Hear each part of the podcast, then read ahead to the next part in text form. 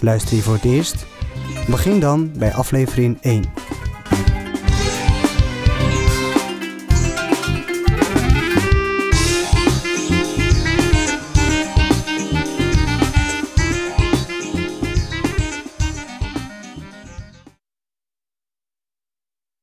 Koffie in Café Centraal.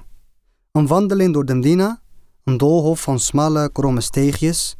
De oude gebouwen lijken op elkaar te leunen, elkaar te ondersteunen, te voeden zelfs.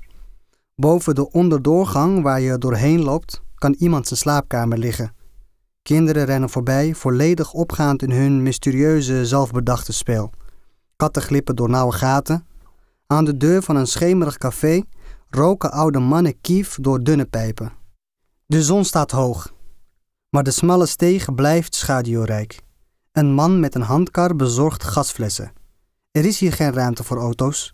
Een steile straat geeft de strijd op en wordt een trap. Een bries die de hoek omwaait is je garantie dat je geen doodlopende steeg inloopt.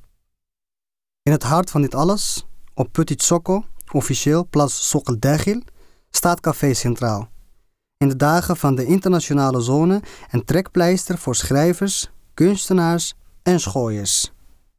Tegenwoordig is Centraal een stille plek, hoewel Petit Socco een levendig amalgaam van de vele aspecten van Tanger is gebleven. Tijd voor koffie. Het lange terras is bijna vol. Een toeristenstel, een groep jonge mannen met uh, geometrische kapsels, twee oude vrienden die naar gewoonte samen stilzitten te wezen. Mensen gaan kriskras over het plein, elkaar luid begroetend.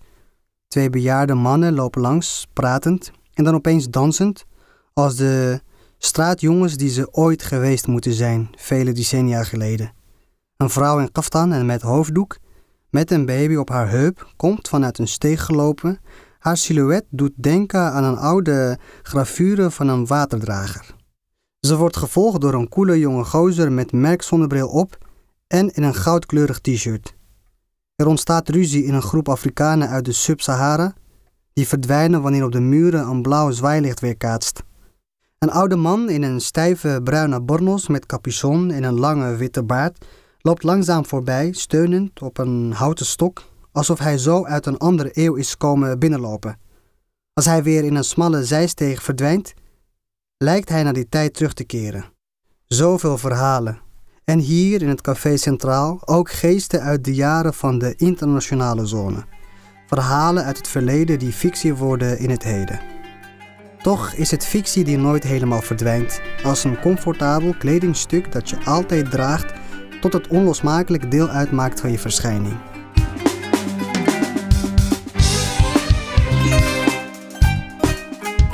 Je luisterde naar Facets of Tangier, een podcast van het Amsterdams Andalusisch Orkest.